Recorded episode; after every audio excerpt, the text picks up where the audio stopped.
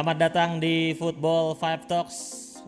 Uh, kita ada di Bermula Studio dan kita masih ngebahas soal Euro bersama gue Iksan dan Kenza. Bang Kenza. Cuma kita nggak ngomong soal pertandingan ya, kita bakal bikin list versi kita. Versi Pemain kita. yang tampil mengejutkan dengan alasan yang baik dan Iya. buruk. Iya, jadi uh, ada lima pemain dari kita berdua lima pemain maksudnya lima dari Jadi tadi kita, udah diskusi panas diskusi. banget sampai gebrak-gebrak meja, lempar-lempar gelas gitu kan. Enggak gitu. Kagak orang kita dua dua nama pertamanya langsung setuju. San, gak dramatis Iya, gitu. iya. Biar, kesannya kita tuh diskusi yang produktif gitu. Gimana ya? Gitulah pokoknya. Eh, di Euro ini ada beberapa pemain yang eh, tidak maksudnya bahkan mungkin gue yakin orang-orang banyak yang nggak tahu dia siapa cuman Iya. wah mainnya bagus banget ada beberapa nama eh, ada lima nama yang kita dapatkan ini mungkin gua gua apa tuh eh, Kita coba eh, bahas satu-satu ya. salah satu bahasa Jadi dulu. dari yang nama pertama ada siapa San? Nama pertama gua itu uh, milih jo Joachim Mahle pemain Denmark timnas Denmark wingback kiri. Yoi. Uh, gua milih uh, dia itu kami berdua milih uh, Mahle itu karena kalau kalian nggak terlalu merhatiin Serie A ya, Mahle itu di Atlanta cadangan by the way. Sebenarnya pemain lapis. Dia itu padangannya Hans Hatteburg sama Robin Gosens Tapi karena Hatabur cedera, karena dia yang cedera main. dia yang main. Cuman performanya ketiban sama Gosens Iya, ketiban. Jadi dia tuh bener-bener nggak menonjol. under the radar. Karena under under uh, under banget. Karena gue lihat gue gue kemarin lihat statistiknya dia tuh nggak nggak golin mesti gue. Dia cuma main 20 kali by the way. Ya, jadi kan dia sempat karena ada momen di mana Hatebor main, Dia nggak main. ya dia nggak main. Tapi ya karena Hatabur musim kemarin cederanya lumayan lama. Hmm, Dan sampai sekarang kan dia kan nggak Iya. nggak dipanggil kan. Nah, Ya, jadi si Mele yang dimainin dan nggak spesial juga sih. di Atlanta ya pada Iya. saat di Atlanta karena juga sekali lagi walaupun Atlanta musim lalu peringkat tiga eh, dan eh, performanya ya sekali lagi masih sama ya sa- apa performanya para anak asuhnya Gianpiero Gasperini cuman Robin Gosen apa dengan adanya Robin Gosen yang nyetak 10 gol ya by the way 10, 10 gol itu dia Ketutupan kan? iya bener-bener ketupas 10 gol itu setara sama Giacinto Facchetti loh dan Marco Materazzi 10 gol walaupun dia technically bukan Bukan back back tengah. sayap maksudnya bukan back sayap apa yang empat back gitu buat dia Tapi cuman di tetap Euro ini Mele bener-bener itu sih. iya Mencuri Jadi- perhatian. jadi pada saat Mehlo tiba-tiba mencuri perhatian bahkan UEFA sendiri gak, nggak nyangka karena di fantasi Euro dia tuh rendah banget ini Iya, cuma 4 harganya koma- rendah. harganya harganya cuma 4 koma berapa gitu makanya jadi cukup bikin mengejutkan sih tiga gol apa dua ya? lupa gua Pokoknya dia uh, Iya. bik- bikin ber- beberapa gol dan bikin beberapa asis eh, juga. Yang terakhir diingat sih yang waktu lawan Ceko yang dia ngasih asis Iya. Trivela itu kan ke Dolberg Itu- pakai, eh. Iya, dan eh, ya dia wingback kiri kayak kanan. Dia dia pasti bisa main di kanan harusnya. Hmm. dia wingback kiri kayak kanan. Nah, itu pilihan pertama, pilihan kedua, Bang. Ada masih dari wingback nggak jauh-jauh. Iya. Ada Leonardo Spinazzola. Nah, ini emang eh, kompetisi para wingback ya. iya emang. dan dan Spinazzola juga tipenya kan sama kayak Pele. Back kiri kayak kanan. Iya. In- inverted wingback. Tapi eh, sangat disayangkan karena turnamen Spinazzola berakhir di babak perempat final karena dia cedera ankle yang Iya. lumayan parah.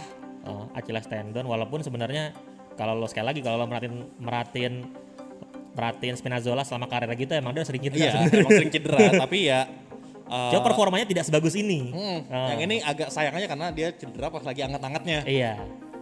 Dan kalau sebenarnya gue udah itu sih udah berapa kali merhatiin Spinazzola pas dia main di Juventus. Emang Iya, di "Ih, Juve." gila nih back maju mulu. Iya. Dan pas di Roma pun juga begitu mainnya kan. Nah, cuman nggak eh sekali lagi nggak nggak kelihatan apalagi dengan Roma yang musim ini bapuk total gitu kan.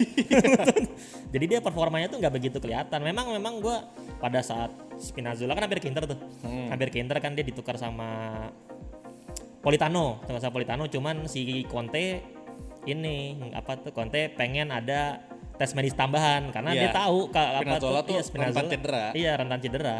Dan akhirnya gagal.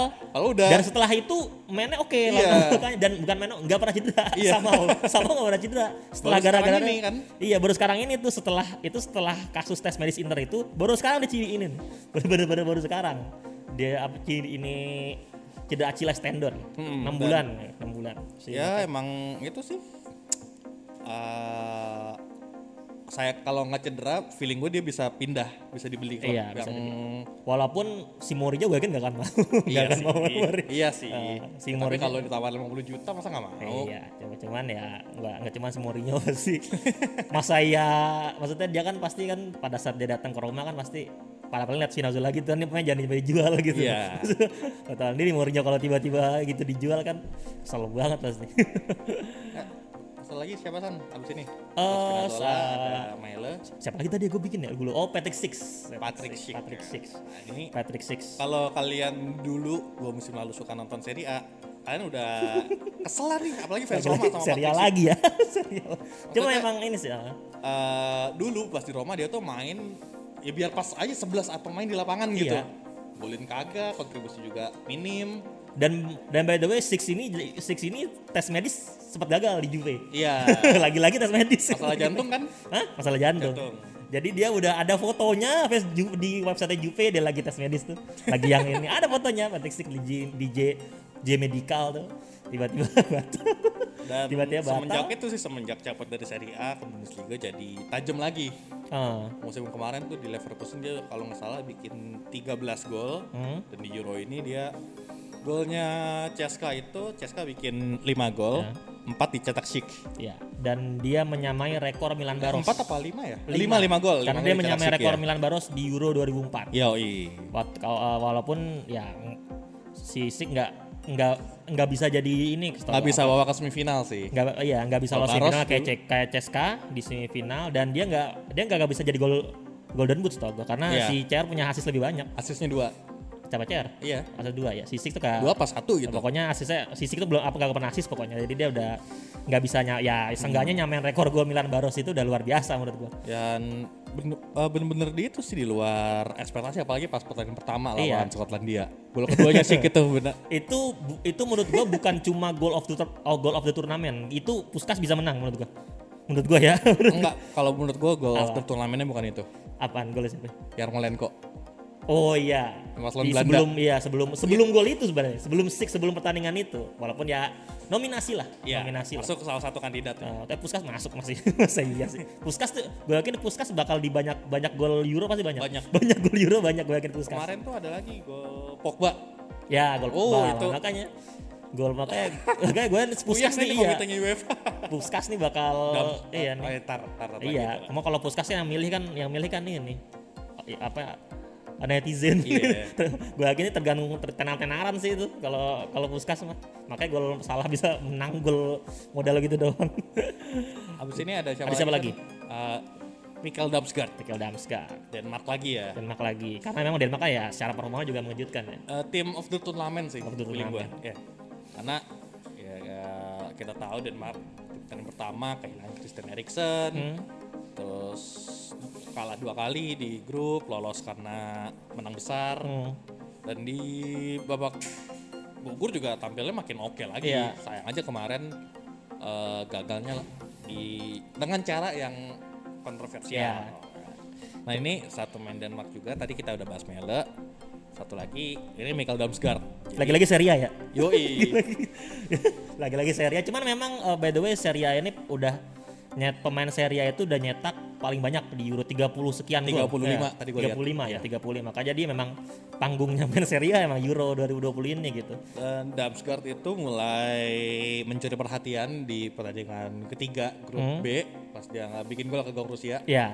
Terus setelah itu eh, mulai dapat sorotan dan Hmm. pas lawan Wales bikin satu assist. uh, Terus kemarin pas Inggris itu bikin salah satu kandidat Iya, goal of the lagi-lagi tournament kan. juga. Iya. Lagi-lagi Euro ini banyak gol indah. The gol gol free kick pertama di Euro 2020. Iya. Uh, gol gol gol direct play pertama di Euro Dan 2020. kalau lu perhatiin itu jaraknya lumayan jauh. Iya, lumayan jauh. Mak- Maksudnya bukan gol free kick normal ya. Iya. Agak jauh lagi. Hmm. Dan ya, ya sekali karena kita bilangin kejutan karena Damsgaard uh, kalau gua yang yang merhatiin Serie A tuh di Sampdoria dia ya standar. Ya enggak standar banget. dibilang Gua- bagus enggak, gua baru, jelek juga gua enggak. baru kan. nih statistiknya.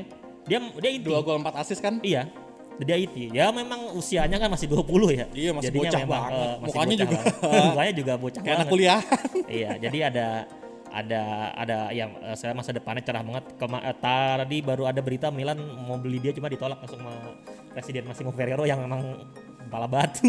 ya udah nih masih semua masih mau Ferrero kalau iya, aja nih si kalau Ferrero yang megang nih, ini nih pasti nih dibamalin nih mesti. mesti. Oh, feeling gua 40 50 juta sih iya, dibamalin nih. Soalnya itu oke.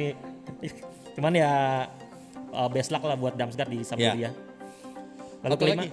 wah ini kalau ini sih kayaknya sih emang pasti ya. Maksudnya salah satu yang terbaik mungkin ditolak. Mungkin ya kalau menurut firasat gua bisa dapat pemain muda terbaik. Oh iya, bisa. Itu Pedri. Pedri, Pedri. umurnya 18 tahun, dia udah jadi metronom di tengah timnas Spanyol. Uh, dan kata Luis Enrique pada saat lawan Italia, performa lawan Italia, saya tidak pernah melihat performa seperti ini. Bahkan Andes Iniesta pun nggak pernah. Iya. itu itu pujian Enrique itu. Yang bikin eh, apa ya? Bikin kita semua terkejut ya. 18 tahunnya ini San. Iya. Karena ya dulu lu di usia 18 tahun ngapain? 18 tahun gue semester semester 2 semester 5 kuliah. Cu- Cuman yang gila sih menurut gua ini. Habis ini si Pedri lanjut lagi ke ini ke apa? Olimpiade. Kelar. Jadi dia ini sekarang total udah main berapa? Lim, udah main berapa dia? 60. Ada 50 pertandingan sekian. 50 aja di Barcelona doang. Iya, dan tambah ini kayak 60 tau gue. Iya. Musim musim ini loh ya. Dan itu dia bakal main di Olimpiade dan sebenarnya Barca tuh udah nggak Nggak mau. Maksudnya kan? iya ya udahlah istirahat lah. istirahat lah gitu. Tapi Istirahat ya, lah. Ya dia mau sih. sayang sih. Sayang Maksudnya sih. Eh, dia udah ditawarin main di Euro di Olimpiade ya siapa yang nggak Ya, mau. iya, masa yang nggak mau. Mungkin ya yang jadi korban ya Barcelona. Barcelona yang Tapi- dan Tapi eh, menurut gua Barcelona juga nggak terlalu itu sih nggak terlalu apa ya? Nggak bakal terlalu gimana banget soalnya mereka juga masih ada Busquets, sebenarnya mereka tuh takut ada takut takut ke Ansu Fati. Iya, takut cedera doang. iya. Barca tuh takut Cuma- ke Ansu Fati. Kalau ngelihat gaya mainnya Pedri itu dia bukan tipikal yang Iya, nggak mau yang- cedera yang sih. mau cedera harusnya sih. oh. Tipikal, Karena oh. kalau kita lihat Ansu Fati kan dia sering sprint, terus Sprint, sering iya, di-tackle iya, lawan. iya, Nah, makanya Pedri tuh enggak mungkin kalaupun dia cedera ya cedera freak gitu kayak kemarin Spinazzola. iya. Tapi semoga enggak ya. Enggak, semoga enggak. sih enggak maksudnya. oh, Karena sayang banget kalau main sekelas Pedri itu harus absen berapa bulan karena cedera. oh, Apalagi dia masih muda kan. iya, apalagi Bar- si Barca juga kasihan juga kan Hmm. banyak utangnya. Udah tuh lima pemain. Lima pemain yang tampil mengejutkan dengan alasan positif. Hmm. Nah ini kita juga udah nyiapin lima pemain yang tampil mengejutkan dengan alasan negatif. Jadi biar balance semuanya. Iya. Ada Yin, ada Yang. Ada ya, ada yang, ada yang. Nah ini yang pertama siapa San? Eh, cut dulu, cut dulu. Oh, iya tutup dulu. Oke. Jadi eh, itu eh, lima pemain eh, yang mengejutkan di Euro 20 versi gua dan Bang Reza versi Football 5 Star. Eh kalau mau tahu lebih lanjut yang tadi lima pemain yang tampil mengejutkan dengan alasan negatif, kalian subscribe dulu, bunyiin loncengnya di bawah dan jangan lupa komen. Yeah. Ah, Jose bego nih. ya gitulah. Jadi cukup eh, uh, so, uh, eh, di apa Football Fakta hari ini segitu aja. Gue ada Bang Kenza cabut, bye-bye. You want, you want.